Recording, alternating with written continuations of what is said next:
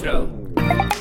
Welkom bij Skip Intro, de seriepodcast van Nederland, waarin we iedere week uitgebreid de allerbeste en soms de allerslechtste nieuwe televisieseries bespreken. Mijn naam is Anke Meijer en tegenover me zit iemand die net als ik heel erg blij is dat een paar mensen in Hollywood eindelijk een deal gesloten hebben. Thijs Schik. Hey Anke, hallo. Hey, Ja, ik- fijn hè? Heel fijn, maar god, ik ben misschien een, een echte Groninger die nog toch ook weer kijkt naar alle eh, dingen die er nog moeten gebeuren en die nog niet opgelost zijn. Maar daar komen we straks nog op. Het oh, eh, je bent nog niet helemaal om. Nee, nou, het is ik, nou, ik, zeer hoopgevend, laat ik het zo zeggen. Zeer hoopgevend. Ja, ik, ik sta helemaal te dansen. Eh, We gaan het er zo uitgebreid over hebben. Over dus de deal die in Hollywood waarschijnlijk gesloten is tussen de schrijvers en de studio's en de streamers. Eindelijk, na bijna vijf maanden staking. We gaan het ook hebben over The Continental from the World of John Wick. Wat een hele absurde lange naam is voor een serie die wellicht ook niet zo heel erg goed is, geloof ik. Maar daar gaat Thijs straks eh, van alles over zeggen. Eh, we stippen ook even de nieuwe Wes Anderson films aan die deze week bij Netflix uitkomen. Eh, en aangezien er vier uitkomen, vier dagen achter elkaar, vonden wij dat het een soort serie is. En gaan we hem dus ook lekker bespreken. Een echte serie die we gaan bespreken is de HBO Max-serie Starstruck, waar ik eh, hartstikke verliefd op ben. Dus eh, daarover straks meer. Eh, en aan het einde van deze aflevering zit een, een extraatje geplakt. Ehm, een extraatje die we eigenlijk hebben gemaakt voor onze trouwe patrons. Namelijk een gloednieuwe rubriek van Skip Intro, de Teletijdmachine. En in de Teletijdmachine nemen we een duik in de geschiedenis van de televisieserie. En in deze eerste aflevering, dit extraatje wat hier achter deze aflevering geplakt is, kijken we naar de release van de eh, HBO-miniserie Band of Brothers, die eh, 22 jaar geleden uitkwam en eh, sinds twee weken ook op Netflix staat. Dus eh, ik heb zomaar het gevoel dat een hele nieuwe generatie kijkers deze serie ook nu aan het kijken is of heeft gekeken. We maken deze teletijdmachine vanaf nu voor onze patrons. Dus eh, als jullie straks deze aflevering hebben geluisterd en meer willen, word dan vooral lid van onze Patreon. Eh, daarmee ste- steun je ons financieel en dat stellen wij heel erg op prijs, want wij maken deze podcast helemaal voor niks verder. Ja. Alleen maar omdat we het zo leuk vinden. En we zijn arme freelancers zonder eh, Arme freelancers. matige inflatiecorrectie, noem maar op. Inflatiecorrectie, nog nooit van gehoord. Maar ja, de teletijdmachine, we gaan, wat gaan we nog meer doen? We gaan duiken in The Simpsons. Daar ga jij in duiken, ja, toch Thijs? god, daar kan ik... Daar zou ik eh, een, een tiendelige special over kunnen maken. Maar ik zal me inhouden. Maar eh, daar gaan we het over hebben, inderdaad. Ja, we doen het één aflevering. Eh, en Danielle Kliwon, vriend van de show, die neemt ons mee naar de release van The O.C. Natuurlijk een van de belangrijkste tienerseries ehm, nou ja, van de jaren nul. Waar ik zelf eigenlijk heel weinig van weet. Ik heb hem wel gekeken, maar ik ben het allemaal weer vergeten. Dus ik ben erg benieuwd wat zij daar allemaal over te vertellen heeft. En ik denk dat ik zelf binnenkort ook wil gaan kijken naar ehm, ER. De televisieserie die natuurlijk gewoon een hele normale netwerkserie was uit de jaren 90. Maar die eigenlijk misschien wel een van de eerste eh, prestige tv-shows was. En daar, eh, dat, dat was een suggestie van een van onze patrons, Bieuwe. En ik vind dat eigenlijk wel heel erg leuk. Dus ik denk dat ik daar weer in ga duiken. En dat komt dus allemaal binnenkort op Patreon. Maar de teletijdmachine over Band of Brothers ehm, hoor je aan het einde van deze aflevering. Dus blijf vooral luisteren. Of skip er naartoe, of wat je dan ook wil. Dus dat straks. Maar nu eerst eh, het grote nieuws uit Hollywood. Want, Thijs, er is een deal. Er is een deal. Maar jij gelooft er nog niet in. Ik- nou, ik geloof wel in deze deal hoor. Maar ehm, nou, we hebben het er vaker over gehad natuurlijk. De schrijvers en de acteurs in Hollywood zijn aan het staken. En de schrijvers al het langst, sinds eh, uit mijn hoofd begin mei. Maar dat is Ja. nu, eh, terwijl we het opnemen, volgens mij zijn de advocaten nog wat puntjes op de i aan het zetten. Maar er is ook al gezegd van, ehm, ga maar weer achter je laptop zitten. Ga maar weer achter je typemachine zitten. Want eh, het lijkt vrijwel zeker helemaal er doorheen. En ehm, Ja, ja. ontzettend goed nieuws natuurlijk. Want ehm, ja, hier begint het mee met de schrijvers. En eh, zoals ik het heb gelezen in de, in de vakbladen, hebben ze ook wel echt veel gekregen eh, qua arbeidsvoorwaarden en eh, ja, noem maar op. Ja. ja, de belangrijke punten die ik heb meegekregen, waarin ze ehm, nou toch wel. Kijk, ze hebben natuurlijk niet helemaal gekregen wat ze wilden, maar dat is nooit bij onderhandelingen. Nee. Je moet altijd een beetje concessies doen en ergens elkaar in het midden ontmoeten. Maar ik heb toch het idee dat het wel de studio's en de streamers zijn die meer water bij de wijn hebben moeten doen. Ehm, wat ook kwam omdat er twee partijen aan het staken waren. Omdat gewoon heel Hollywood stil lag. Omdat zowel de acteurs als de schrijvers het werk hadden neergelegd. Ehm, ze hebben het afgelopen weekend, ik geloof al drie of vier dagen achtereen, ehm, zijn ze met elkaar in overleg gegaan. Ook de, de, de hoge bazen van de studio's uh, na de streamers, Ja. moet ik zeggen, zaten daarbij. Dus eh Zaz, Zaslav van... eh, Bob, van War- Disney. Ted ja, Warner. Discovery, Bob, Bob Iger, niet Bob Chapek. Iger. Chapek is weg. Oei. Iger, Bob Excuus. Chapek is de oude Bob. Ja, Oh. bij, bij Disney hebben ze de ene Bob ingeleverd voor de andere en toen toch Kwam weer Bob teruggegaan naar de eerste Bob. Ja, Ja. ja. Eh, wat ook alweer van alles geeft. En Ted Sarandos van Netflix was erbij. En er, er is dus serieus onderhandeld en er zijn dingen uitgekomen. Ehm een van de belangrijke dingen die ik las is dat ze dus nu een minimum staffing hebben in de writers rooms. Wat betekent dat het niet meer eh, zo kan zijn dat er maar één schrijver zit die alles maakt. Dus er, er, moet wel ja, een soort van basis in zo'n writers room zijn. En dat was een heel belangrijk punt voor eh, de schrijvers. Ehm, er komt extra geld wanneer je serie succesvol is. Want streamers zijn natuurlijk heel, ja, heel behouden over het delen van, eh, van de kijkcijfers. En dat, ik weet niet of dat nu heel anders gaat zijn, maar het is in ieder geval wel zo dat als je serie een groot succes is, dan kun je Ja. iets extra's verwachten. Meer en dat royalty. is natuurlijk een heel groot. Ja, royalties, residuals heette Ja. dat vroeger bij in de, in de ouderwetse tv-wereld. Als je serie zo succesvol was dat het honderdduizend keer herhaald werd.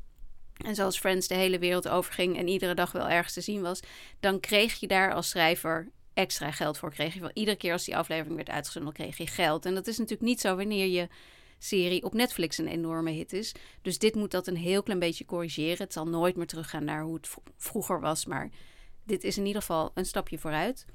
Eh, AI hebben ze ook, geloof ik, een, een afspraak over dat er altijd een mens als hoofdschrijver gecredit moet worden. Dus het kan Ja. niet zo zijn dat, dat de computer een script schrijft en dat dan een schrijver daar een echte mens schrijver van mens en bloed, zo moet ik het van mens en bloed, van Vlees en bloed. vlees en bloed, zo zeg je dat, ja. Eh, dat, die, eh, ehm, dat die dan een paar puntjes op de i moet zetten. Het moet dus wel echt geschreven worden door een mens, eh, wat ook een heel belangrijk ding was, Ja. want iedereen is natuurlijk ontzettend bang voor AI. Ehm, en ik geloof dat er ook een beetje bescherming is voor de mini-rooms, zoals die heten. Dus waarin twee schrijvers heel snel een soort van seizoen in elkaar draaiden. En ehm, daar nou ja, wel wat geld voor kregen, maar niet zo heel erg veel. Dat was eigenlijk een manier voor streamers om op de goedkoopst mogelijke manier een, eh, een serie uit de grond gestampt te krijgen. En dat was voor de schrijfs- schrijvers heel nadelig. En daar schijnt nu ook wel een soort van, ja, zijn, zijn ze een aantal dingen overeen, overeengekomen, waardoor die mini-rooms minder makkelijk zijn, zeg maar. Ja. Want de, de precieze details weten we nog niet, maar dit is voor zover ik weet, eh, zijn de belangrijkste punten waar ze dus wel, ja, toch wel best wel wat uitgekregen hebben. Ja. Vind ik. En aan de, Dat gevoel heb ik. de eh, communicatiestatements, aan de persberichten kon je wel zien dat de schrijvers die hadden iets over een historische deal en die waren mega enthousiast. En vanuit de studio's kwam eh, een bericht van eh, we hebben een soort van overeenkomst eh, bereikt. maar volgens mij is dat ook, zijn de studio's zich bewust van hun positie en hoe het publiek naar ze kijkt. En dat alles wat ze meer zeggen slecht valt. En dat gewoon Hmm. iedereen, de, de, laten we zeggen 99% van het publiek, de sympathie voor de schrijvers en ook de acteurs voelt. Dat ze zullen denken van, oké, we zijn eruit, laten we heel snel verder gaan. Ja. Dus ehm, Ja. ja, want dat is wel een beetje eh, natuurlijk wat deze schrijverstaking zo anders maakte dan al die eerdere. Is dat social media een hele grote rol heeft gespeeld. En dat het ook echt wel. Ja, het is ook wel een tijd waarin eh, een miljonair niet echt kan zeggen: boehoe, ik moet mijn werknemers zoveel betalen. Nee. Dat, dat, dat werkt gewoon niet meer. Nee. Dat komt niet meer binnen. Eh, en dat hebben de studios en de streamers ook echt wel gemerkt. Ja. Dus ja, het, eh, wat dat betreft stond het publiek sowieso altijd al aan de kant. Of waren de schrijvers sowieso de winnaar, wat er ook uitkwam. Eh, en in dit geval eh, nou ja, heb ik toch wel het gevoel dat ze. Ja, ik weet, niet of ze, ik weet niet of ze op lange termijn de winnaars gaan zijn. Want meestal Ja. eh, qua meestal komt kapitalisme er dan toch weer een correctie, toch? Ja. ontstaat er wel weer iets waardoor mensen toch weer extra worden uitgeknepen. Maar aan de andere kant, er lijkt wel echt wat bereikt. En ehm, Goed, maar we moeten het nog zien. En, en, Maar we, ja, gaan wel, we gaan weer beginnen. Gaan- Hollywood gaat weer open. Tenminste, de, de schrijvers mogen weer aan de slag. Ja. Dat is stap 1. De acteurs wordt van verwacht dat die wel ook snel gaan volgen. Dat, Ja. dat er nu, zeker ook omdat er dus AI-afspraken gemaakt, gemaakt zijn met de schrijvers, dat er ook wel met de acteurs afspraken gemaakt zullen gaan worden over dat onderwerp. En een loonsverhoging zal er ook wel in zitten. Dus ik, ja, wat ik heb gelezen en gehoord is dat, er, dat ze verwachten dat rond Thanksgiving ehm, Hollywood weer gewoon up and running is. In november Dat alles weer open gaat. Ja, Ja. november. Ja. Dus eh, ja, ik hoop het. Ik heb, ik, maar misschien is dat gewoon mijn, eh, hoe ik in elkaar steek. Dat ik, want ik las wel dat, ja goed, qua acteurs, er zijn ook nog wel wat dingen wat ingewikkelder en qua AI dus, natuurlijk. Ehm, maar ja, ik denk ook wel dat ze er uiteindelijk uitkomen. Ehm, en dat ze gewoon een sterke positie hebben nu ze de schrijvers Ja, eh, eh, eruit ja. zijn gekomen. En ergens denk ik, dat heb ik altijd wel een beetje het gevoel gehad, dat de, de acteurs wellicht niet waren gaan staken als de schrijvers niet al aan het staken Nee, waren. precies. Het was ook gewoon het moment om even goed eh, door te pakken Ja. en samen die vuist te maken. Juist omdat ze En- samen... Ja. Ja, ja. En, en de grote studio's en streamers en CEO's nou ja, op hun knieën te krijgen niet. Maar in ieder geval ze wat verder te duwen om Ja. meer te krijgen dan dat ze er normaal uit hadden kunnen krijgen. Dus ik, ik denk dat ik kan me niet voorstellen dat, dat zij nog maanden nee. ehm, de boel gaan ophouden. Nee. Dat lijkt me niet. Lijkt wel, daarbij- ja, het hek van de dam, dat lijkt wel zo. Ja. En, en de, de bereidheid om weer aan het werk te gaan en de, en de, de, de, de lust en de zin om weer aan de slag te gaan eh, is... Ik, iedere tweet die ik voorbij heb komen is Mhm. echt juichend en zo blij en Ja. opgelucht. En ehm, ja, ik ben heel benieuwd. Ik ben benieuwd wat we ook gaan krijgen nu. Wat voor een eh, ja, nieuwe creativiteit dit heeft Hele opgeleverd. goede ideeën ontstaan en zijn er... eh, Ja, tijdens dat staken, dat ze daar zo voor Disney aan het wandelen waren, met elkaar Ja. aan het kletsen, want dat doe je dan toch. En misschien zijn er wel fantastische dingen ontstaan en dan gaan we nu, net als toen, weet je wel, zo nog in de pandemie en aan het einde en, en daarna, dat, dat bijna bij ieder interview dat dan makers zeiden, ja, het idee is ontstaan omdat ik, eh, nou ja, eindelijk dus eh, de ruimte had om gewoon thuis te zitten. Ja. En toen opeens, Ja. toen bedacht ik me dit, of ik liep rondjes daar en toen zag ik dit. Ik denk dat je dat nu ook gaat krijgen. Dat al die, die schrijvers straks gaan zeggen: Nou, dit is dus ontstaan tijdens het staken. En eh, Ja, ik ben heel ja. benieuwd. En misschien, ehm, ben heel ja, we, we gaan straks praten over een serie die ook uit een soort franchise is geboren. En misschien dat mensen nu ook denken van, nou, deze strijd moeten we doorzetten. En ook gewoon voor creativiteit. En dat we niet het zoveelste vervolg of de zoveelste spin-off moeten maken, maar gewoon echt iets nieuws. Dus ik hoop dat misschien daar ook een soort, eh, ja, iets, iets veranderd is in de gedachte in Hollywood. Maar misschien is dat juist weer te positief gedacht. Dat denk ik, dat denk ik. Dat, dat vind ik dan weer. Nee, ik bedoel eh, dat je een beetje terughoudend bent over of het wel echt allemaal voorbij is. Want het is natuurlijk zo: de puntjes moeten op de i gezet worden voor deze deal. En dan vervolgens moeten alle eh, leden van de vakbond, van de schrijversvakbond, de WGA, ehm, die moeten het nog, niet allemaal, maar de meerderheid moet het goedkeuren. ja, ja. Eh, nu kan het natuurlijk zijn dat ze dat niet doen, maar dat, dat, dat lijkt me niet. Ehm, Nee. ik, daar heb ik geen enkel signaal over ontvangen. Dus. eh Yay! Ja, goed nieuws, goed ik ben nieuws. zo blij. ik ben zo blij. Want ja, ik, eh, ik begon hem toch wel een beetje te knijpen. En Ja. ook deze aflevering weer hebben we, nou ja, dan één, eh, wat je zegt, serie die wel gewoon oh, een, een hartstikke Amerikaanse serie, namelijk die Ja. van John Wick. Ehm, maar voor de rest gaan we het hebben over films en over een Britse serie. Dus het, is, het blijft. Ja. Ja. want we hebben het er wel over gehad. En ik, ik hoorde ook, ehm, of ik las ergens van... waarschijnlijk zouden we nu bijvoorbeeld al een nieuw seizoen True Detective hebben... bijvoorbeeld op HBO. Ja. Maar dat is ook uitgesteld. Dus er- er zijn nu best wat dingen die er nu zouden zijn... waar we het nog niet over kunnen hebben. Maar goed, eh, het, het, ik ben blij Hopelijk dat, er- het nu snel dat dat nu heel ja. snel komt. En dat we misschien ook zeggen van... oh, misschien kunnen we die dingen die we hadden uitgesteld... toch weer iets is het naar voren brengen. Dat, Ja, eh, nou, zodra de ehm, acteurs ook klaar zijn, zeg maar, en de Ja. boel mogen gaan promoten, kan ik me voorstellen dat, Precies. dat er heel veel alsnog eh, naar dit jaar gehaald wordt. Ik Ja. bedoel, zoveel tijd is er dan waarschijnlijk niet meer over.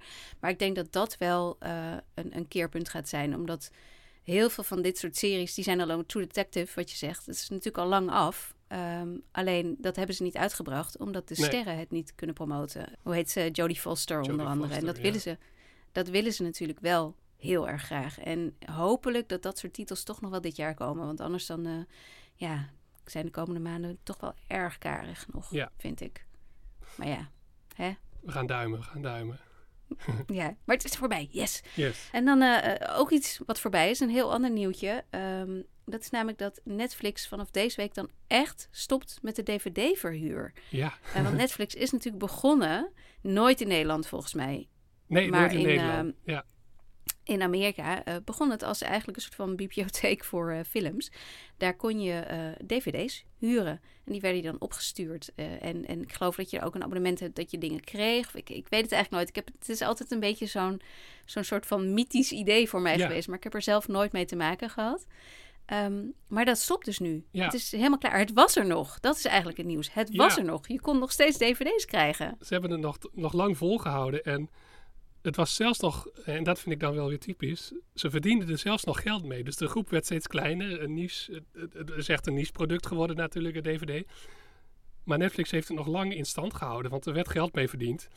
En nu, ehm, volgens mij eind deze maand, dus eind september, wordt dan de stekker er echt uitgetrokken. En goed, ik heb natuurlijk ook nooit DVD's via Netflix gehuurd, maar in het verleden wel echt een collectie opgebouwd. En ik Hmm. verzamel ook veel vinyl. Dus vooral met muziek vind ik het heel fijn om een soort fysiek product te hebben. En ja, het doet toch op een of andere manier een beetje pijn. Om, vooral omdat je merkt van, ja, dat hele fysieke product sterft langzaam uit. En we hebben gezien hoe snel het kan gaan met streamers die opeens een serie wel hebben en de volgende dag opeens niet. En een film niet. En dat het toch een beetje, ja, dat je, dat je een soort archief hebt dat je zelf kunt opbouwen. Ja, dat, dat zegt toch, dat is toch wel iets. En dat is echt wel aan het Maar die- verdwijnen. ja. Die dvd's van Netflix moest je wel terugsturen volgens Die moest mij. je terugsturen. Ja, dat klopt. Ja, dus nu ja. het fysiek product in het eh, algemeen bedoel ik dan niet. Het was eigenlijk een soort van videotheek, maar dan ehm, werd het thuis bezorgd. Dan de, voor, de, voor de Amazon-generatie, zeg maar. Ja. ja ik, ik, ik mis zelf eigenlijk nog steeds... Ik ging vroeger, vroeger, vroeger... ging ik echt eh, ieder weekend naar de videotheek bij mij in, eh, in de buurt. In de Pijp, waar ik woonde. Een hele fijne videotheek was dat. Geen idee of je er nog zit. Ehm, waar je natuurlijk... Waar ik dvd's huurde overigens hoor. Maar ik noem het gewoon videotheek, omdat dat... Een mooier woord is dan DVD-theek. Ja. Ehm, maar, eh, en ik weet nog wel dat ik daar echt de meest prachtige, ja, vaak indie films altijd kreeg aangeraden van de man die daar werkte. En dat is toch, dat heeft het Netflix-algoritme nooit eh, voor elkaar gekregen hoor. Die dingen die Nee. hij mij kon, eh, kon tippen. Dus ja. En sowieso, ik, we hebben het ook wel vaker al in deze podcast gezegd. Misschien wordt het gewoon tijd om weer terug te gaan naar die fysieke producten. Omdat zomaar van alles kan verdwijnen. Ja. Dus ja.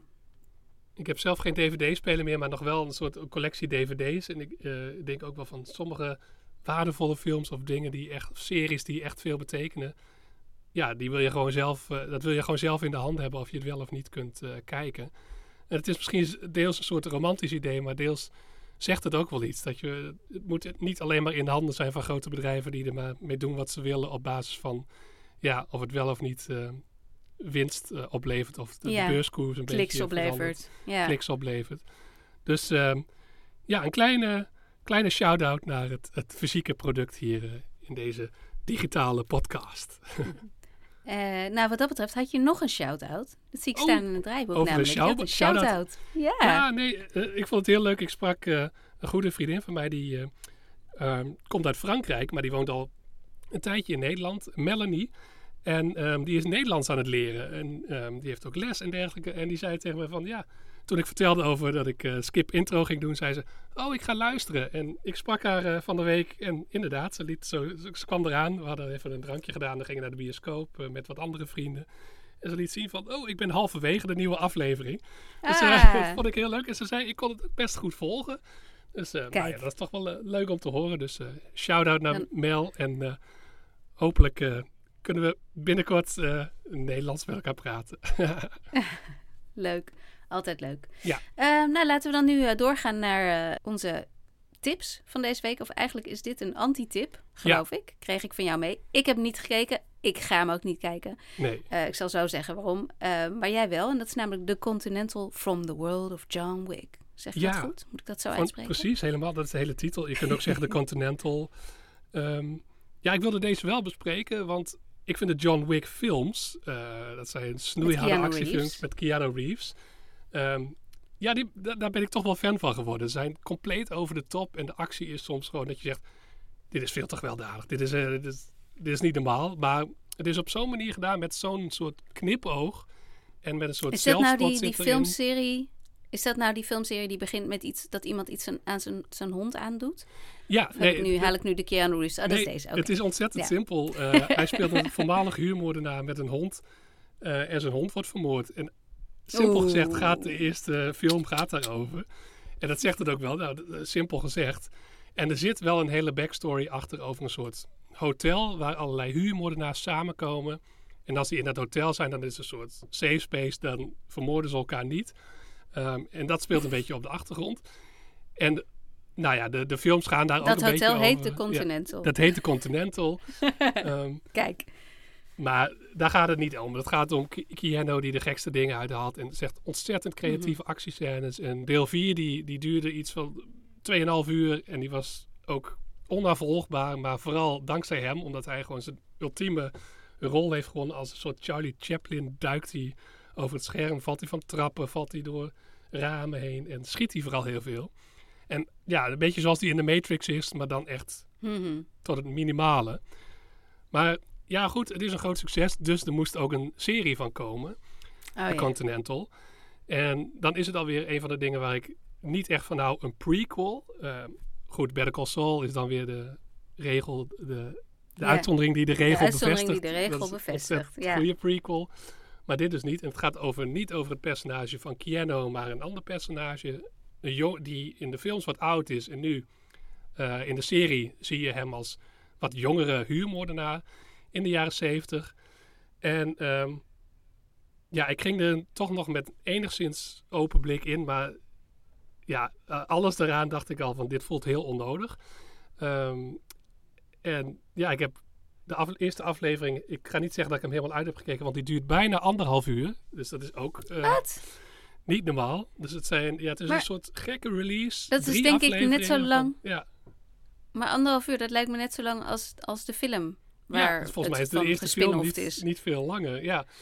Ehm, en ik vond het dus totaal oninteressant. Ik wilde helemaal niks weten over de backstory van een van de personages. Ehm, gespeeld door, in de films door de zeer charismatische Ian McShane. Maar die speelt Hmm. ook niet in de serie. Ehm, ja, en binnen een paar minuten zie je een gezicht die je eigenlijk ook liever niet meer wil zien. Ik zag eh, dus Mel Gibson speelt wel Ah, een smerige slechterik, maar ja, god, Mel Gibson, ehm, ik ben echt niet...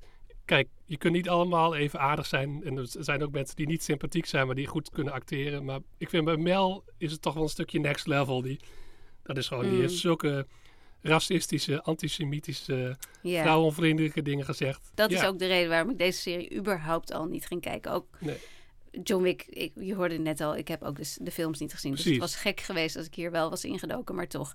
Mel Ja. Gibson is voor mij al een reden om te zeggen, nee, next. En ehm, ja, hij speelt niet per se slecht, maar ook niet dat je... Ik dacht ook van, er zijn honderd acteurs die ongeveer hetzelfde kunnen doen. En die niet, ehm, ja, eh, gedaan hebben wat Mel Gibson heeft gedaan. Dus dat alles bij elkaar. En ik kan af en toe wel zien, het is in die zin vakkundig gemaakt dat het geen rampzalig slechte serie is. Maar eh, het voelt vooral heel overbodig. En dat je denkt van, ja, dit is ook weer bedacht door iemand... eh, eh, ja, ergens in een kantoor van ja, John Wick is, is tof, we moeten, doet het goed, we moeten meer maken.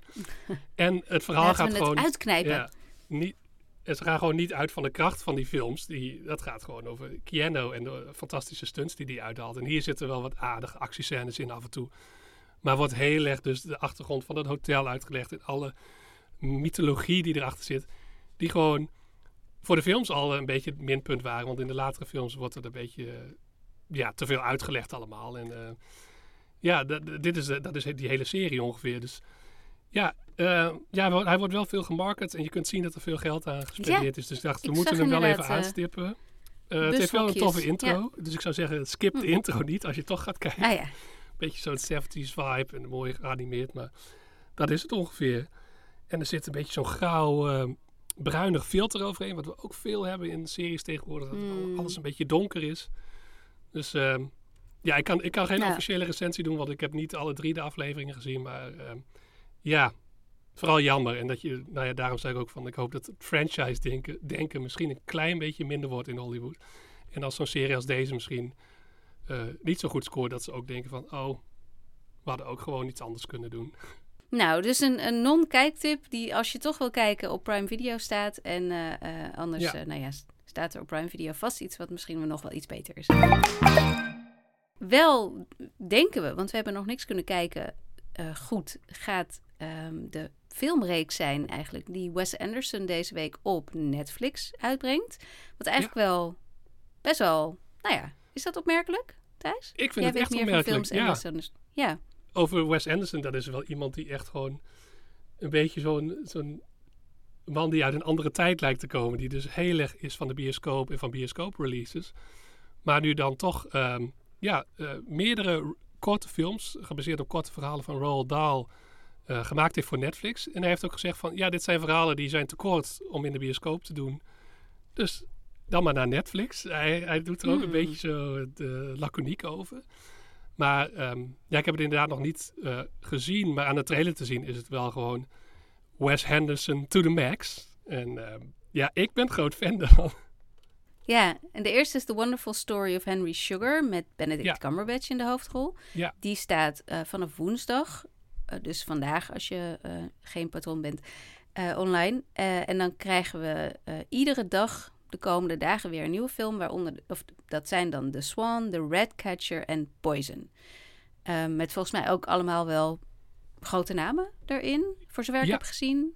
Jij hebt je er meer in verdiept Ralph ik, dat is wel Fiennes, duidelijk. eh, Dev Patel. ehm, ik heb Ah, even ja. het lijstje namen net niet bij me. Maar het is Wes Anderson en die weet altijd de crème de la crème eh, tevoorschijn Ja. te halen. En eh, Cumberbatch lijkt een beetje de, de, de grootste... In elk geval bij de eerste heeft hij de grootste rol. En dat is ook wel een typische acteur die nog niet in Wes Anderson films heeft gespeeld, maar wel die soort van Hij past er wel heel goed in. die super gestileerde stijl en die manier van spreken heel snel Ja. Wes Anderson goed kan doen. Ehm, dus ja, we kunnen het nog niet zien. Ik ben heel benieuwd, want eh, ik ben wel een, een Wes Anderson fanboy. Ik vond ook zijn laatste film Asteroid City, die net de bioscoop uit is, die denk ik straks op eh, Disney Plus komt. Want bijna al zijn films zijn nu op eh, Disney Plus te zien. Dus Oh die ja, kun je en dan ook gaat als hij naar Netflix? kijken. En dan, eh, dit is, is- dan weer op Netflix, ja. Want de meeste Hmm. films die zaten dan onder Fox, geloof ik. Maar Oh eh, ja. ja, dus, dus Oh, dat, is zijn dan, weer- dat heeft dan weer met de studio te maken Ja, waar, het, met- eh, ja. waar het op uitkomt. En dan heeft hij waarschijnlijk met Netflix ja, dit een kunnen aparte, maken. Oh, aparte het. deal. En Netflix waarschijnlijk die zei van, ja, wij willen, willen jouw naam wel. En ehm, Maar het is inderdaad grappig, want wij kwamen er een beetje op van... hey, deze week komt ook die Wenderson, Wes Anderson eh, filmreeks op Netflix. En die zijn eigenlijk qua, qua lengte waarschijnlijk net zo lang... of misschien nog wel korter dan de eerste aflevering van The Continental Ja. van John Wick. ze zijn is. korter volgens mij. Ja, de eerste is eh 40 minuten zo uit mijn hoofd. En ik denk dat ze allemaal een beetje die lengte zullen hebben. Dus meer een beetje de lengte van een, een tv-aflevering eigenlijk. Ja, het is eigenlijk dus gewoon een anthology-serie van vier afleveringen. Vandaar dat we hem Ja. gewoon keihard hier meenemen. En Ja. ik stel ook voor, want we hebben dus niks kunnen krijgen. We hebben alle twee vorige week gevraagd aan Netflix. Zo van, hey, kunnen we al screeners krijgen? En dat was toen zo, helaas, ze zijn nog niet beschikbaar. Jij kreeg hem vandaag binnen, zei je net. Zag Ja. je net voordat we gingen opnemen. Eh, ik nog niet, dus ik weet niet waarom ze jou leuker vinden dan mij. Maar eh, nou ja, Dat weet ik het ook zij niet. zo. Ehm, maar ik stel wel voor dat als we er deze week of komende week aan toekomen, ehm, dat we er volgende week weer even op terugkomen of niet. Als, je nou, als jij echt zegt van dit is fantastisch, dit is geweldig, dit is superleuk, dan ehm, zullen we hem dan volgende week weer even Ja, aanstippen? la- ja, laten we het doen. Ik denk wel, ik vind Wes Anderson altijd interessant, zelfs dat hij niet in de topvorm is.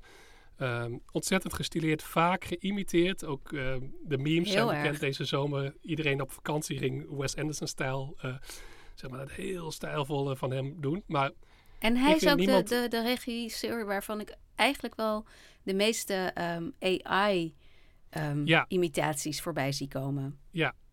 En die wisten dan het klein beetje wel eh, ehm, ja, de stijl na te apen, maar ja, de intelligente en warme manier van verhalen vertellen die hij ook heeft. En sommige mensen denken van hij is altijd een beetje puur stijl over substance. Maar ik vind dat bij hem juist niet. Ik heb best vaak gehuild bij Wes Anderson films zelfs. Oh, echt? Maar het is, ja, hij heeft een bepaald soort eh, maniertjes en die per film lijken die iets extremer erin te zitten. Dat sommige mensen vinden dat dan een beetje too much.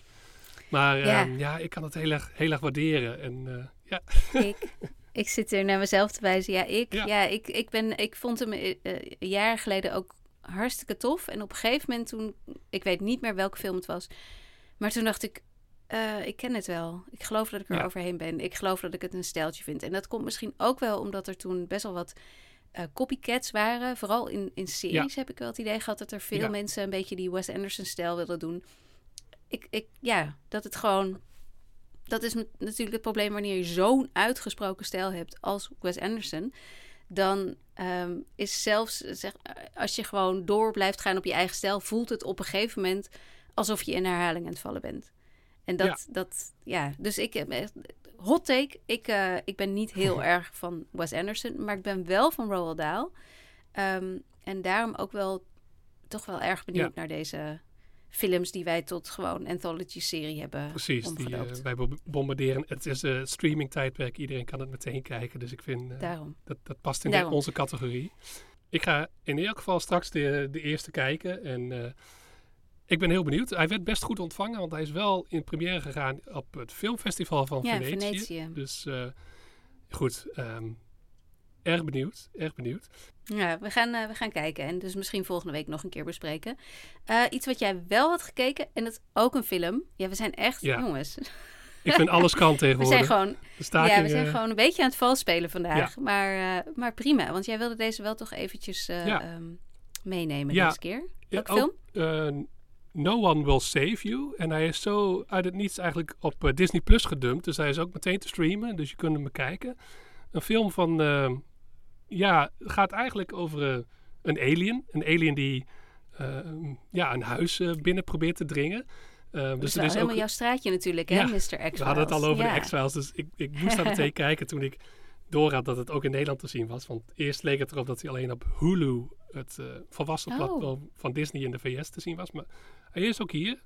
Ehm Caitlin Dever speelt daarin een vrouw die in een groot huis woont en die opeens merkt, er is een alien in mijn huis. Dus het is een zogenoemde home invasion eh, film. Dus de, ja, Oh, een, ja. een foute gast. Vaak is het dan met een seriemoordenaar of zo die een huis binnensleept. Maar nu is er een, een, alien. alien. En wat, wat tof is, ja, Caitlin Dever, die kennen we van Unbelievable onder andere. Dus een Ja, hele goede actrice. geweldige serie. Ja, en, en zij speelde ze daar zat ook in uh, Doopsick, hè? Ook Doopsick, ja, was ze ook goed Ja. in.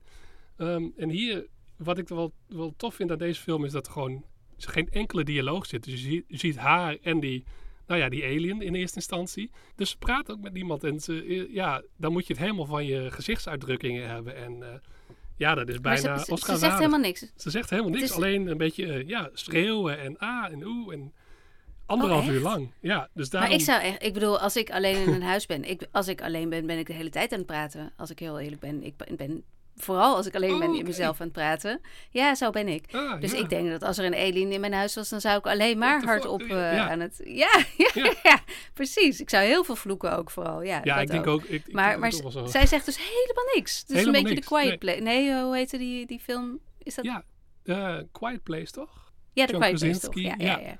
En Ja. dit tot in het extreme. En het, ik dacht eerst van, oeh, het is een beetje een gimmick misschien. Maar na een tijdje ga je er helemaal in mee. En eh, goed, uiteindelijk, het duurt anderhalf uur. Op het eind denk je misschien een beetje van, oeh, vliegt dit van de rails? Ja of nee? Maar ik vond het toch heel interessant. En ook weer, nou ja, over originaliteit gesproken. Dit is, eh, ja, niet iets wat we elke week zien. Dus daarom vond ik hem ook wel het vermo- eh, vermelden waard. En hij is gewoon meteen te bekijken. En dit is wel zo'n film die verdient wat aandacht. Want die had gewoon in de bioscoop eh, uit moeten komen. Want het is wel echt zo'n lekkere film. Ook wel lekker wat schrikmomenten. Wat, niet pure horror, maar echt een thriller. Maar Ehm, waarom komt hij dan niet in de bioscoop uit, vraag je je af? ik heb geen idee. Misschien dat de studio's er niet voldoende inzagen. Dat ze... Nee, ik, ik ben eigenlijk... eh, want hij is ook niet echt een hele dure film. En ik denk dat je juist in dit seizoen... Want hij, hinkt een beetje tegen Halloween gevoel aan. Zo'n groot huis Oh ja. in het donker met een alien erin. Maar daar is Dus- het eigenlijk dan weer drie weken te, of vier weken te vroeg voor. Ja, precies. Nou, er is ook al een spookhuisfilm met eh, Detective Poir- Poirot nu in de bioscoop. Dus ik denk Oh ja, ja, nu al een beetje... season is nu het wel eh herfst wordt, up on us. Spooky ja. season gaat Ja. lang door. En je kunt hem nog lang in de bioscoop houden. Dus ik denk dat ze hier best wat eh, geld mee hadden kunnen verdienen. Maar misschien dat de studiobazen er weinig inzagen en het net iets te... Ja, moeilijk te verkopen vonden, omdat, eh, omdat ze Hmm. niks zegt. Dat is bijna een soort... Het is geen stomme film, Ja. want eh, er is heel veel eh, bombastische muziek zit er wel in. Maar dan is het dus eigenlijk gewoon maar mazzel hebben. Het is gewoon mazzel hebben dat deze, deze film niet eh, eh, helemaal niet is uitgekomen, zodat ze hem konden afschrijven voor de belasting natuurlijk. Wat we wel bij andere titels hebben gezien het afgelopen dat jaar. Ook, ja, dat had ook kunnen gebeuren. Dus in die Dus zin mogen we nog blij zijn. In de handjes knijpen dat er gewoon een hele leuke... Wat is het? Is het horror, thriller? Ik zou zeggen meer thriller met een beetje horror eh, elementen. Gewoon, het is een solid drie sterren ding. Het is ook niet... gaat geen Oscars winnen. Hoewel zij, nou ja, ik zou haar misschien best nomineren voor, voor wat zij doet in die, in die film. Als je eindelijk je uitnodiging voor die Academy krijgt. Ja, precies. Dit, open sollicitatie is dit. Het moet internationaler. Dus, eh, Nou, hij klinkt wel leuk. Ik zag inderdaad al wat enthousiaste dingen voorbij komen. Dus ik, Ja. ik was ook al wel benieuwd. En eh, nou, hij staat dus nu gewoon op Disney Plus. Helemaal, Disney Plus. nou ja, niet gratis, want Disney Plus is alles behalve gratis. Maar hij staat er in ieder geval voor iedereen die lid is. Leuk. Nou, zullen we dan nu eindelijk een echte serie gaan Een echte bespreken? serie, yes. Waarvan gewoon al drie seizoenen zijn. Dus niet één lange aflevering van anderhalf uur, maar drie seizoenen. Eh, en dat is de HBO Max-serie Starstruck. Hi, Jesse. How did you know my name? You've said it a number of times since you came in here. You don't have to kiss me or anything. Genuinely didn't cross my mind. Should we split this or should I, I put some money into your account? Or... He's a famous actor, Loved you in the Avengers. I wasn't in there. and you're a little rat nobody. Harsh, but it's true. There is a reason actors date other actors. It's just easier.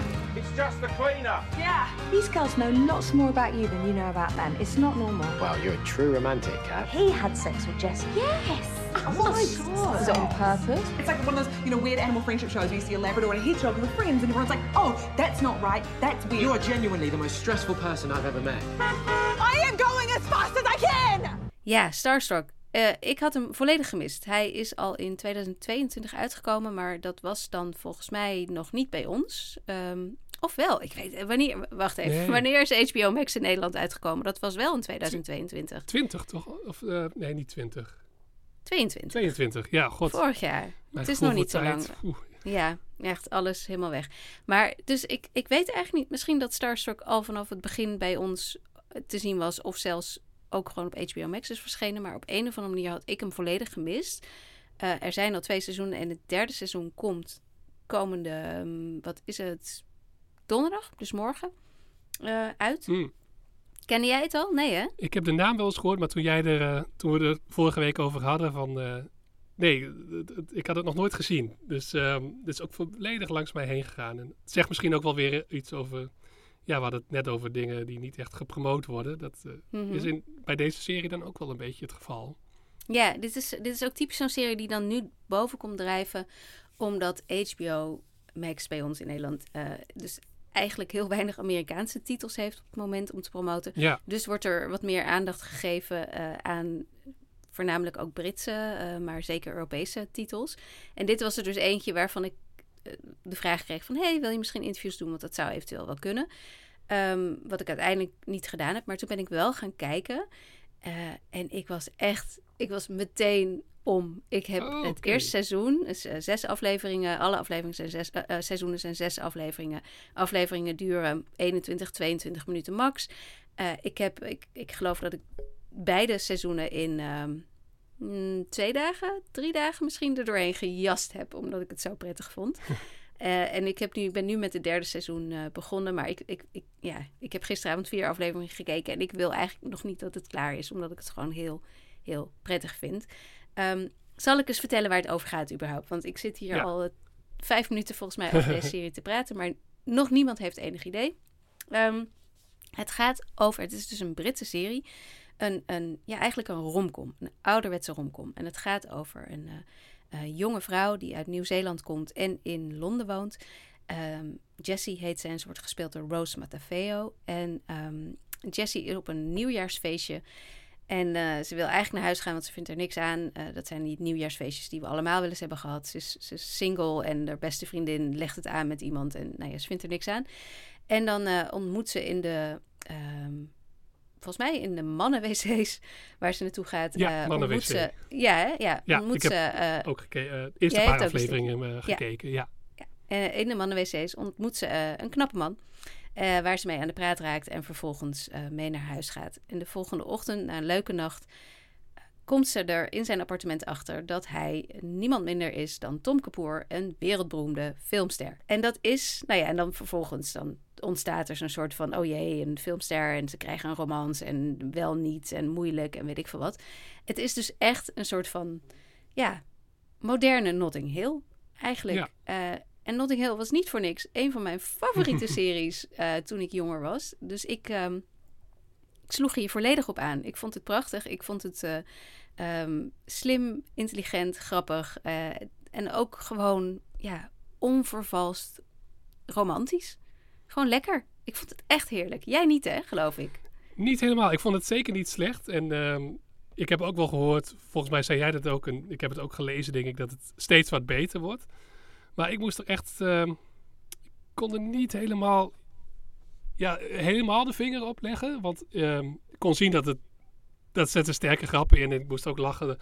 Bijvoorbeeld de eerste ochtend dat, ze dan, dat zij uit zijn huis komt en dan denkt er, er staat er allemaal paparazzi buiten, want hij is een filmster en hij heeft net, er is net misschien een relatie verbroken met, met hij heeft net een ex, lijkt het. Ja, En dan denken ze de Daily van- Mail wil eh, Ja. foto's. Ja. Ja. en dan denken ze van, oh, dat is eh, een minnares. Maar al snel zeggen ze zo van, oh nee, wacht, dat is schoonmaakster. En dan Ja, pakt zij haar schoonmaakster. vuilniszak en loopt ze weg. Dus dat vind ik wel leuk, maar ik, op een of andere manier vond ik haar, ehm, ja, en dat is deels natuurlijk de bedoeling dat ze ook een beetje een soort van mest fucked up is en een beetje soms wat, ehm, ja, niet onsympathiek, maar ik, was, ik vond haar niet super sympathiek, waardoor ik niet helemaal erin mee kon gaan. En, Ah. Ehm, dat, dat kan natuurlijk zich nog eh, vormen, maar misschien is het ook omdat ik... Ik moest wel een klein beetje... Ik denk dat de serie ook wel deels beïnvloed is door Fleabag. Een van de Mhm. beste series van de laatste 10, 20 jaar. Ook Yes. over een iets wat getroubleerde vrouw. eh, door, Iets wat. gespeeld door Phoebe. Waller-Bridge. En dat vond ik dan net iets van een... Ja, misschien ligt daardoor de lat wat hoog als je het over, eh, op die, over die boeg gooit. En daarom kwam ik er nog niet helemaal in. Maar ik, ik ga wel verder kijken, want ik zag wel potentie. Maar ik dacht ook een beetje, er zit natuurlijk zo'n... ja, blijven ze wel of niet bij elkaar? Of wordt het überhaupt Will they, won't they? Ja. En daar was Nee, ik nog ja, niet helemaal in geïnvesteerd. Maar Ik vind het Ja. grappig dat je, dat je het zo zegt en dat je het meteen eh, met Fleabag vergelijkt. Fleabag is ook echt een van mijn favorieten van de afgelopen jaren. Ehm, en daar deed het me eigenlijk... Ik snap wel waarom het jou daaraan deed denken, maar het deed er mij daar niet aan denken. Ik Hmm. had gewoon heel sterk eh, Notting Hill, Ja. Bridget Jones, Love Actually, want het speelt in Londen en, en dat laat het ook heel veel zien. Het is ook... Het, Weet je wel, de, de, het mooie romantische Londen zoals we dat uit die films kennen. Niet het grauwe Londen zoals je dat uit de nee, Britse crime series kent. Ehm, en, ik, en het feit dat het een filmster is, het is echt een, een, ja, een soort van tienerfantasie die werkelijkheid wordt. En dat, dat is Fleabag natuurlijk helemaal niet. nee, nee. Eh Fleabag is veel realistischer en inderdaad eh, behoorlijk fucked up. En, en ehm, zij is vooral ook niet... eh, nou, met haar gaat het, met de hoofdpersoon gaat het ook niet zo heel erg goed.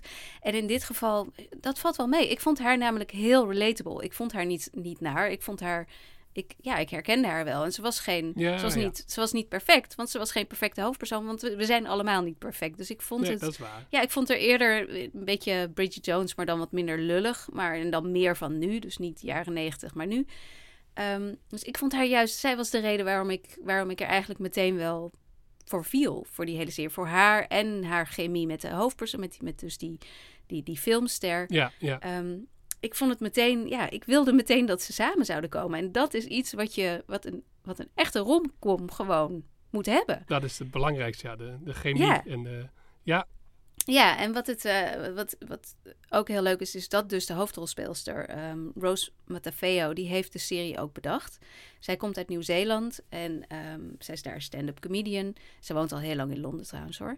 Eh, en zij heeft de serie bedacht eh, en geschreven samen met nog twee andere mensen, Nick Sampson en Alice Snedden. En dat zijn ook alle twee Nieuw-Zeelandse comedians die ook tevens rolletjes hebben in de serie. En bijna iedereen die in de serie speelt, heeft in het echte leven ook een connectie aha. met Matafeo.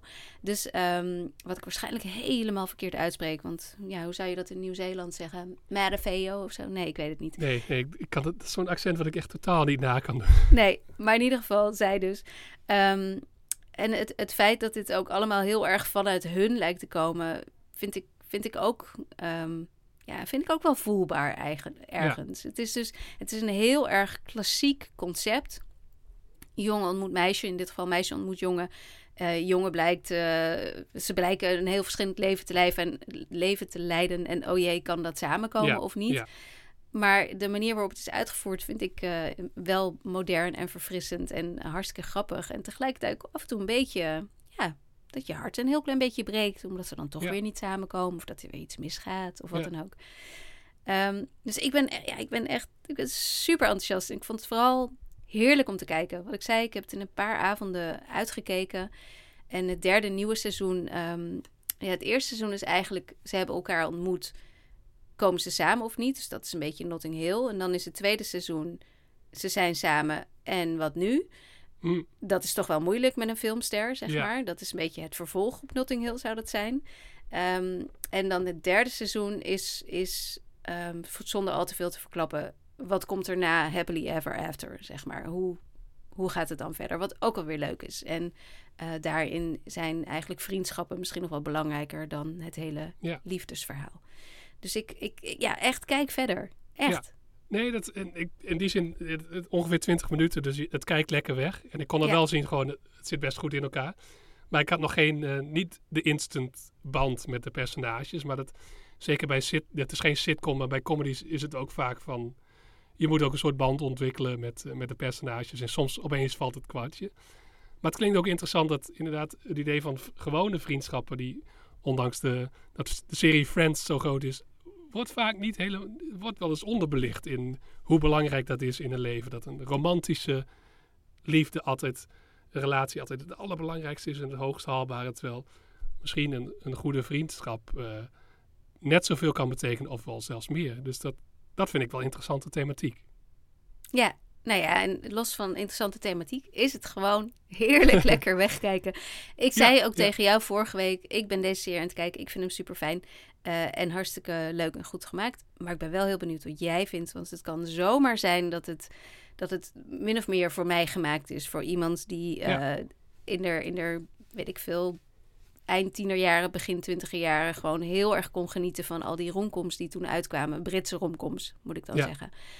Ehm, dus, Dat dus ik vroeg me ook echt ja. heel erg af... Is, is, dit, is dit puur voor mij en mensen zoals ik? Of ja, kun jij er ook van genieten? En het is dus een beetje beetje, beetje 50-50. Het is niet helemaal zo, blijkbaar. Ja, of het, kan zijn als je meer met het genre hebt, dat je dan al een streepje voor hebt, dat je al sneller om bent. Dat eh, ik misschien nog iets ook- meer tijd eh, nodig heb om overtuigd te worden.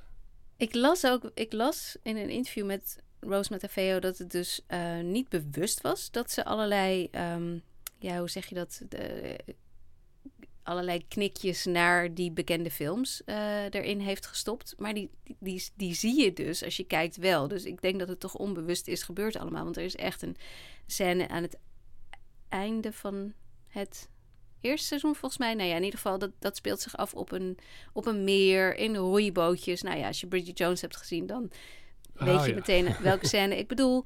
Ehm, er zijn het hele filmster en gewoon normaal mens eh, idee komt natuurlijk echt rechtstreeks uit Notting Hill. Er zit zelfs in ehm, het tweede seizoen een, een rechtstreekse eh, verwijzing naar Love Actually. Dus het is, het is Hm. ja, het, het is echt wel als, als dat films zijn waar je ooit van hebt genoten, dan denk ik dat je ook van deze serie geniet. Eh, want het, zijn, het heeft niet die problematiek de, die die oude films tegenwoordig hebben. Dat je denkt, ah, ik weet niet of dit nog helemaal oké is allemaal. Eh, dat heeft het niet, omdat het gewoon heeft gemaakt is. nee. Ja, precies, precies. Ja, precies. Eh, dit, ehm, alhoewel, ik denk dat Notting Hill nog steeds kan. Ik denk niet dat Notting Hill... Is Notting Hill fout? Hmm, nee, denk het niet. kan, kan ik me niet zo goed. Ik heb het wel een keer gezien. Misschien dat de cast tegenwoordig wat diverser zou zijn. eh, maar Dat, dat geldt voor niet alles wat ooit gemaakt in. is in de jaren Ja. negentig in Engeland, denk ik. volgens mij zitten er niet hele foute grappen in. Zoals hier heb je bijvoorbeeld nog. Was het niet Alles is Liefde, waar een, een belangrijke verhaallijn gaat over Sinterklaas. En dus ook gewoon Ja, in Zwarte ja, Piet ja. zit. En, eh, Ja, ja, Nou ja, dat- Blackface, Zwarte Piet. Ja, ja, absoluut. Ja. Wat, wat jammer is, want het was best ook een hele leuke Nederlandse remake van Love Actually. Laten we het maar noemen. ja, precies. En, Maar nee, dus ik, eh, ik, ik, ik raad hem aan.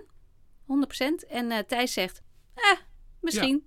Misschien. Maar ik denk dat veel, ik kon wel zien dat veel mensen het leuk zouden kunnen vinden. En dat je, ik snap wel goed waar uh, inderdaad waarom jij wel meteen om was. Dus uh, nee, zeker geen uh, maar het, ik heb nog even wat tijd nodig met, met deze serie.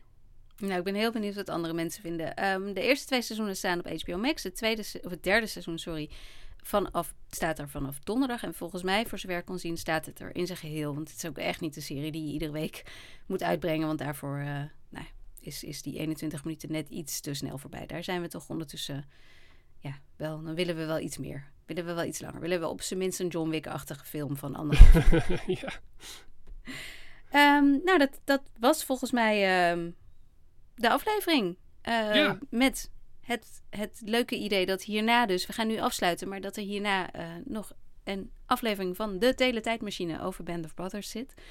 Um, nogmaals, mensen, als jullie dit leuk vinden, maar ook gewoon als jullie deze podcast leuk vinden, dan kun je ons steunen financieel. En dat zouden we heel tof vinden uh, via Patreon. De link staat in de show notes. Ik moest even denken, ik wou zeggen in de bio, maar dat is niet zo. Dat is op Instagram. Nee, dat is Instagram, ja. Maar, uh, dat is Instagram. Dat gaan, daar staat de link ook vast en zeker ergens. Ja. Um, maar ja, zeker. hierna komt dus we gaan, nu, we gaan nu gedag zeggen. En dan daarna, blijf dus even wachten, um, komt de Teletijdmachine over Band of Brothers.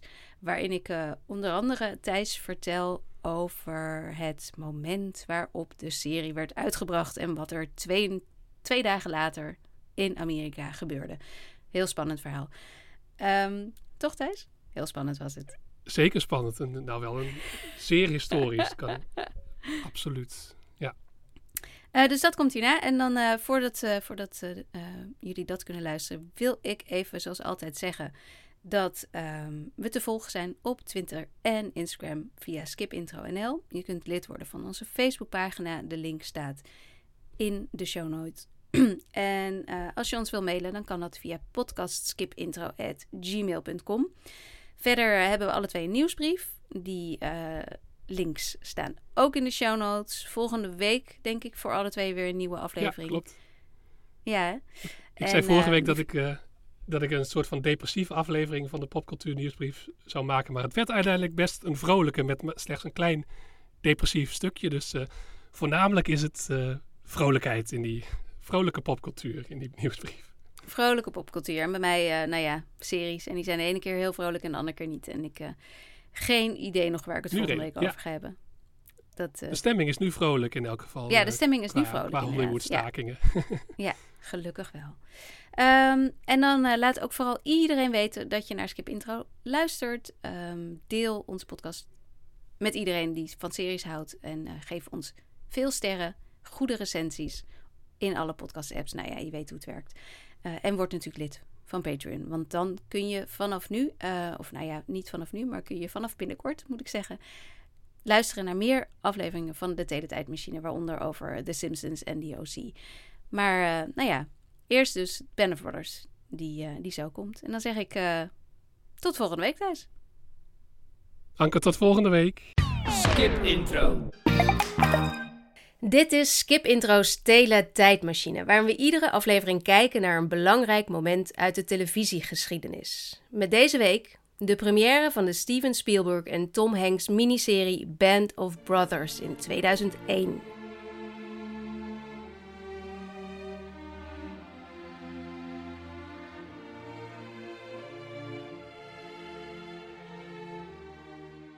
Thijs, wat weet jij van Band of Brothers? Ja, Spielberg en Hanks inderdaad. Een, een beetje na Saving Private Ryan, wat een groot uh, oorlogssucces was natuurlijk. Toen dachten ze, uh, ja, we willen meer hiermee. We willen echt een serie maken. Dat, dat is wat het eerste wat me bijstaat. Nou, ja, je zit, je zit min of meer goed. Inderdaad, uh, Band of Brothers is zoals ik al zei, van Tom Hanks en Steven Spielberg, die daarvoor in 1998 samen de film Saving Private Ryan hadden gemaakt. Saving Private Ryan was naar een boek van Stephen Ambrose, een non-fictieboek. En toen de film was uitgekomen, toen werd uh, Spielberg benaderd door de zender ABC, dus het, het Amerikaanse televisienetwerk ABC, of ze niet ook nog een serie wilden maken naar aanleiding van een van Ambrose's boeken, want die man heeft er meerdere geschreven. Zei Spielberg, ja, dat is goed, ik ga Hanks vragen. En toen kwam Hanks uh, erbij en die zei van, nou luister, uh, we moeten niet. eh, ik geloof dat ABC had al een boek ges- suggestie gedaan. En toen zei Hanks: We moeten niet dit boek doen. We moeten het boek Band of Brothers doen. Een boek uit de jaren negentig ook. Want Band of Brothers vertelt het verhaal van eh, Easy Company, wat een elite team aan Amerikaanse paratroopers was in de Tweede Wereldoorlog. En die mannen, die, die groep mannen, die zijn eh, eigenlijk van D-Day. Die zijn in Normandië gedropt op D-Day. En vervolgens zijn ze, zij die het hebben overleefd, de hele oorlog doorgegaan naar, tot ze uiteindelijk in het Adelaarsnest, dus Hitlers buitenverblijf, zijn uitgekomen. Dus dat is eigenlijk een verhaal waarvan je niet gelooft dat het waar is. Als iemand het verzonnen had, nou, deze, deze jonge 19-jarige Amerikaanse soldaten worden gedropt op Normandië en vervolgens eh, een paar jaar later zijn ze in het Adelaarsnest, dan had je gedacht, ja, dat is goed scenario schrijver, heel bijzonder dit, toch? Dit is, ja, precies. Dit is bijna de Inglorious Bastards van Tarantino, wat een soort eh, fantasie over de Tweede Wereldoorlog was. Zo, zo klinkt Precies. het bijna dan. Ja, precies. Behalve dan dat dit dus echt waar is. En eh, Stephen Ambrose heeft al deze nog, toen nog levende mensen eh, geïnterviewd, veteranen geïnterviewd. En aan de hand van die interviews zijn boek eh, geschreven. En daarop hebben Hanks en de andere schrijvers, want Hanks heeft ook meegeschreven, en Spielberg eh, deze tiendelige miniserie gebaseerd. Een ander ding wat Tom Hanks ook zei tegen zijn vriend, zijn goede vriend Steven Spielberg, is we moeten niet naar ABC. Want ABC heeft reclame, ABC heeft allerlei restricties, dan kunnen we niet vertellen wat we willen vertellen. We moeten naar HBO. Dit is natuurlijk nog steeds rond de, de eeuwwisseling, dus HBO was al wel een grote speler, maar niet de HBO die we vandaag kennen. Dus dit was best een bijzondere zet eigenlijk van Hanks. Ehm, maar wel een goeie, want HBO zei, is goed, doen we. Jullie krijgen alle ruimte. We willen tien weken lang op zondagavond vermaakt worden. Ehm, zover je vermaakt wordt trouwens met een Tweede Wereldoorlog drama, maar dat terzijde. Ja, ja. Eh, en jullie krijgen eh, een budget van 120 miljoen dollar. En dat maakte dit meteen al de duurste serie van dat moment die ooit gemaakt was. Dus dat zijn de eerste feiten. Dan ga ik je nu meenemen, Thijs, naar de lancering. Eh, dat is eh, dus 22 jaar geleden. Eh, de serie had redelijk goede recensies gekregen. Sommige mensen, sommige recensenten waren niet heel erg te spreken over het feit dat, eh, ehm, dat er zoveel personages waren en dat niet de meeste personages eigenlijk geen achtergrondverhaal hadden. Iedereen was natuurlijk heel erg gewend van nou, we, Ja. we leren iedereen kennen. Je ziet een vrouw met wie ze schrijven en de kinderen die ze achterlaten. En dat is dit verhaal niet. Maar andere recensenten zeiden dat is eigenlijk heel erg goed, want dat zorgt ervoor dat het puur gaat om de oorlog en de ervaring van deze mannen in de oorlog. Dus de, de, de, de recensies waren goed, maar niet juichend. Nee, Terwijl je precies. nu Ja, nu is het, is het een van de HBO-iconen. Ook zo, wat ik ook ervan herinner, zo'n serie die heel veel mensen de DVD-box thuis hadden liggen. En Ja. ook aardig wat studentenkamers gezien waar die, waar die box lag. Ja. Naast de Sopranos vaak. Precies, hij, hij wordt echt gezien als een van de eh, eerste series van het prestige TV-tijdperk, zeg maar. En dat, ja, dat was toen dus een beetje. De recensenten waren het er niet helemaal eh, nog over eens of het nou echt heel goed was of niet. Maar toch schakelde er eh, die eerste zondagavond toen het werd uitgezonden. ehm, toen werden de eerste twee afleveringen in één keer uitgezonden. En toen schakelden er 10 miljoen Amerikanen in om te kijken. Wat een, een, een prima première was. Ja. Ehm, dat was op eh, zondagavond 9 september 2001. Oh, wauw, ja. Ja, dus nog geen 36 uur later was het 11 september. Vlogen er twee vliegtuigen het eh, World Trade Center binnen. Stortte er één neer op het Pentagon en nog een ander in een veld. En was Amerika voor altijd veranderd. Je kunt je voorstellen dat dit eh, een beetje een rottige timing voor Band of Brothers was. Eh, het was natuurlijk sowieso een, hartstikke rot tijd, maar ook een rottige timing voor deze oorlogsserie. Eh, de promotie werd meteen stilgelegd. De serie zelf, grappig genoeg, niet. Heel veel televisie in die tijd is eigenlijk eh, eh, een paar weken gewoon... al- ging alleen maar over die Ja. aanslagen. Ehm Band of Brothers ging wel gewoon door. In eh, interviews zegt Tom Hanks dat, dat ze op dat moment niet echt... Ja, dat ze, dat ze het gevoel hadden dat het, dat het misschien eigenlijk niet meer kon. Dat de, de televisieserie die daarvoor nog een soort van het event van de zondagavond... het televisie-event van de zondagavond moest zijn... opeens voelde als, ja, als, als een soort van museumstuk. Ja. Eh, het ging over de Tweede Wereldoorlog, terwijl op dat moment Amerikanen het gevoel hadden dat misschien de derde wereldoorlog wel al was uitgebroken. Dat had ook effect. De, de kijkcijfers gingen ehm, rap achteruit. En de laatste aflevering, aflevering 10, trok nog maar de helft van de kijkers die de première had gedaan. Uh, maar wat jij net al zei, in de decennia die volgden, is deze serie toch echt wel heel erg populair geworden. Waarschijnlijk ook wel in Amerika, omdat de Amerikanen een positief verhaal nodig hadden. Zeker ja, Ja. Met, met alles wat er in de jaren nul eh, in, in verre landen met de Amerikaanse soldaten gebeurde, zeg maar. Er was een positief eh, verhaal nodig. En dit is toch echt wel, ja, een, een gruwelijk, maar uiteindelijk positief verhaal. Nou, en dan ga ik even door met een wat leuker, met behind the scene eh, feitjes en dingetjes. Namelijk de cast. De serie had 500 speaking parts. Dus Zo. acteurs die een, een lijntekst of meerdere eh, zinnen tekst hadden. Zinnetje. 500. Eh, waaronder een paar Nederlandse acteurs. Ehm, Hugo Metzers, Hugo Metzers junior, de vijftiende of zo. Ik weet Ja, niet ja, precies de hoe die man derde, heet. Maar ja, Hugo Metzers in ieder geval. Die speelt ehm, een Nederlander die in het verzet zit. En Jack Woutersen, die speelt ehm, Ah. van de reclames. Nee, waar is hij nog meer van? Heel veel films en series en toneel. Ja, precies. Die speelt een, eh, een Nederlandse boer. ehm, wat, eh, wat, wel, wat, wat goed is hoor. Want je hebt wel in die serie, als ze dan in Nederland komen, dan denk je: hey, dit is niet Eindhoven. Het lijkt er niet eens op. Alles is ook, alle sets, alle landen, alle dingen zijn ook in Engeland nagebouwd. Ah ja, ja. Maar het feit dat er dus wel Nederlands wordt gesproken door Nederlanders, in plaats van wat je in andere series wel eens hebt, dat je denkt: wauw, dit is geen Nederlander Dit- en dit is ook geen Nederlands. Nee, nee. Vaker soms brabbeltaaltjes, eh, Duits of eh, Scandinavische. Ze doen vaak van alles. Maar Precies, behalve Nederlands. Maar deze, de- deze serie heeft dit wel goed. En naast die 500 mensen, acteurs met, met daadwerkelijke rollen, waren er ook nog eens 10.000 figuranten. Dit was echt een waanzinnige Ja. productie dus. Waanzinnig. Die 120 miljoen die eh, moest ergens aan uitgegeven worden. Ehm, dan wil ik nu dat je eh, het fragmentje luistert wat ik jou voor de uitzending heb gestuurd. What is this? Anybody. Uh, it's a can of peaches, sir. Lieutenant Nixon thinks this is a can of peaches. That is incorrect, Lieutenant. Your weekend pass is canceled. This is United States Army property, which was taken without authorization from my mess facility. And I will not tolerate thievery in my unit. Whose footlocker is this? Private Parks, sir. Get rid of him. ja, dat was een hele boze Ross natuurlijk. Precies, dat was een, een hele nare, vervelende Ross Geller, oftewel David Schwimmer eh, uit David Friends. Swimmer, ja. Ja, David Schwimmer was op dat moment natuurlijk alleen maar nog steeds eigenlijk vooral bekend als Ross uit Friends.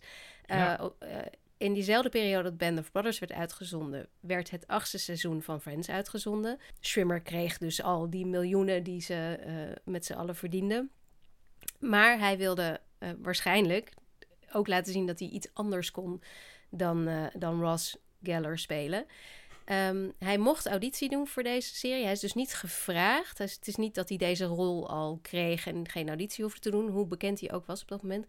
Eh, hij moest auditie doen. Eh, hij moest auditie doen met niemand minder dan Tom Hanks. Eh, dat wist hij van tevoren niet. Zo. Maar toen hij binnenkwam, zat Hanks daar opeens. Dat, hebben meer, dat hebben meer acteurs gehad. Waaronder ehm, de acteur die uiteindelijk een fantastische podcast heeft gemaakt over zijn ervaring met Band of Brothers. Eh, de podcast Dead Eyes. Want die acteur Mm. kreeg eh, de rol uiteindelijk niet nadat hij auditie met Tom Hanks had gedaan. Omdat Tom Hanks vond dat hij dode ogen had. Een aanrader voor iedereen, die podcast heel erg leuk. Eh, maar Schwimmer kreeg de rol uiteindelijk wel. En hij speelde Captain Herbert Sobel, een ontzettend onaangenaam persoon. Die in het echt ook zo schijnt te zijn geweest. Maar daar is natuurlijk allerlei nuance die je in zo'n serie niet eh, eh, echt kunt, kunt meegeven. En heel veel mensen die met hem samen hebben gewerkt, die hebben achteraf ook gezegd, heel veel veteranen, dat ehm, zijn harde aanpak van de manier waarop hij uh, de, de paratroopers getraind heeft, er wel voor gezorgd heeft dat veel van hen het ook overleefd hebben. Um, maar ja, Schwimmer was dus eigenlijk, bizar genoeg, de grootste naam op dat moment in de cast. En hij werd misschien daarom ook niet zo heel positief ontvangen. De BBC schreef in een uh, nogal heftige recensie over Swimmer. Part of the problem with the first episode may have been the ridiculous fact that Friends' favorite David Schwimmer plays the hard and cruel Captain Herbert Sobel. The only thing believable about Schwimmer's acting is when he cowers in the face of true battle. His puppy dog eyes make him appear even more pitiful. Ouch. Jeetje. Ouch. Ja, Beetje gemeen inderdaad. ook wel. Uh. ja, ja, en het grappige is als je hem nu ziet, ik weet dat ik toen ook dacht, huh, wat doet Ross in deze serie? Ja. Um, maar als ik het nu terugkijk, dan moet ik zeggen dat ik hem toch wel. Uh, um, ik vind hem wel overtuigend in deze rol. Hij speelt gewoon heel naar iemand, maar Ross Geller is eigenlijk ook een beetje een naar iemand. Ja, dus. Ross was al, nooit mijn favoriet, of eigenlijk mijn minst favoriete personage. En ja, volgens mij, maar als je ja, één keer zo bekend bent van een rol, dat uh, is het ook moeilijk, zeker als die serie nog speelt. Ja, dan gaan mensen gewoon, word je er een beetje uitgehaald. En dat is zeker bij een historische serie, een geschiedenisserie, of over de geschiedenis, lijkt me dat, is dat een beetje gek misschien, maar uh, ja, ja, mensen ja. vonden het ook wel leuk dan om, om uh, hem een beetje te bashen. En ik denk ook onterecht, ja, ik hoorde nu 30 seconden en dat klonk, dat klonk helemaal niet verkeerd. nee, het valt ook echt wel mee. Um, maar hij kreeg het dus wel behoorlijk te verduren. de reacties op de nou, min of meer de hoofdrolspeler van de serie, um, Damian Lewis, waren dan wel weer heel erg positief. Dus ook zijn Amerikaanse accent werd geroemd. Want Damian Lewis is natuurlijk eigenlijk een Britse acteur. Alhoewel wij hem vooral kennen uit series als Homeland en ja, Billions, ja. waarin hij ook Amerikanen speelt. Dus je zou bijna vergeten dat hij Brits is. Um, maar Damian Lewis was op dat moment nog een redelijk onbekende acteur. Uh, die um, dankzij deze rol en daarna natuurlijk Homeland wereldberoemd is geworden. Maar hij is niet de enige, want deze cast bestaat uit eigenlijk alleen maar bekende gezichten. Die uh, over het algemeen ook de kleinste rollen hebben. Want je hebt Andrew Scott van Fleabag onder andere, James McAvoy oh. en Tom Hardy. Zo. Die worden allemaal binnen een paar minuten vermoord. Of vermoord, gedood. Binnen een paar minuten. Gewoon, hup, Zo. zonder enige ceremonie of wat dan ook. Gewoon bam, dood. Dat je denkt, oh, daar gaat de Hot Priest, doei. uh, en vervolgens heb je ook Michael Fassbender. Die wel wat langer mag blijven, maar die eigenlijk ook nog steeds een hele kleine rol heeft. Waarin hij maar heel weinig te zeggen heeft, ook vooral.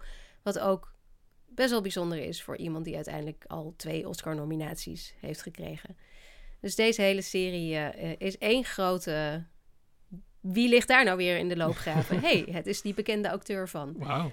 Um, ja, dus het is ook een lancering geweest voor, uh, voor heel veel carrières. En het was ook de productie waar iedere acteur, iedere mannelijke acteur tussen de 18 en 25 uh, in die tijd deel aan ja, wilde ja. nemen. En het zijn er dus 500 gelukt. Ja, weinig vrouwenrollen dan natuurlijk. Ja, heel weinig vrouwenrollen. Ja, nee, absoluut heel weinig vrouwenrollen. Er komt, uh, er komt af en toe eens een vrouw voorbij. Ik geloof dat Tom Hardy heeft een seksscène. Dat dan weer hm. wel. Um, maar verder uh, is het, uh, zijn het weinig vrouwenrollen, inderdaad. Nee. Maar goed, met de geschiedenisserie vind ik ook... Ja, soms is het verhaal eenmaal zo. Dan, dan is dat perspectief gekozen. En, hoewel ik ja. zeer groot voorstander ben van gelijkwaardigheid. En soms zijn er verhalen, zoals Christopher Nolan ze ook vaak vertelt... gaan over mannenwerelden. Dat, ja. Ja. ja, nou in dit geval was misschien inderdaad vrouwenrollen was wat lastiger geweest. Maar Tom Hanks heeft wel um, een paar jaar geleden, toen het precies 20 jaar geleden was aangegeven, dat hij als hij nu deze serie zou maken, dat hij absoluut een wel wat um, ja. gevarieerde cast zou gebruiken. En dat hij dan, dat was misschien met Easy Company, want het is allemaal redelijk realistisch. Uh, dus ze hebben best de mensen die echt in Easy Company zaten ook um, ja, zo gecast zoals ze er min of meer uitzagen. Of in ieder geval dezelfde etniciteit hadden. Maar hij heeft wel aangegeven dat hij op zijn minst nu zijn best zou doen om te kijken naar andere aspecten of andere mensen Ja. die ze tegen waren Ja. gekomen in deze oorlog. Want het is wel een ontzettend witte serie. ja. Maar desalniettemin, eh het is wel een hele. Ik vind het een hele mooie serie, een hele gruwelijke serie. eh, en ook nog steeds een van de populairste oorlogsseries. En dat is ook wel te zien aan het feit dat het nu nou ja, anderhalve week ongeveer op Netflix staat. Of nog niet eens, een weekje op Netflix staat. En sindsdien in de top 10 uh, best Ja. bekeken series. Wat, eh, wat ook wel weer bijzonder is voor een 22 jaar oude tv-serie.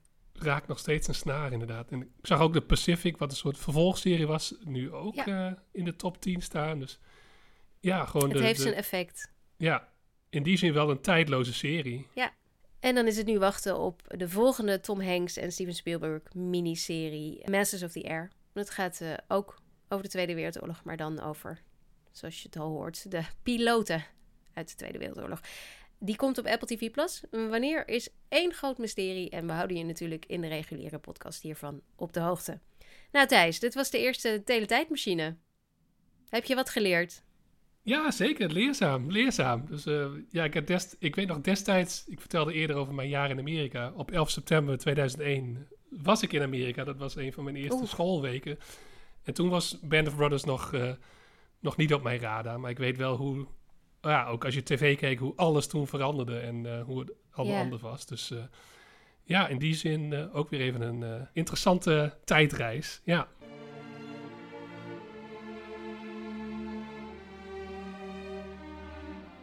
En daarmee komt deze allereerste aflevering van Skip Intro's Teletijdmachine ten einde. Bedankt voor het luisteren en tot snel. Skip intro.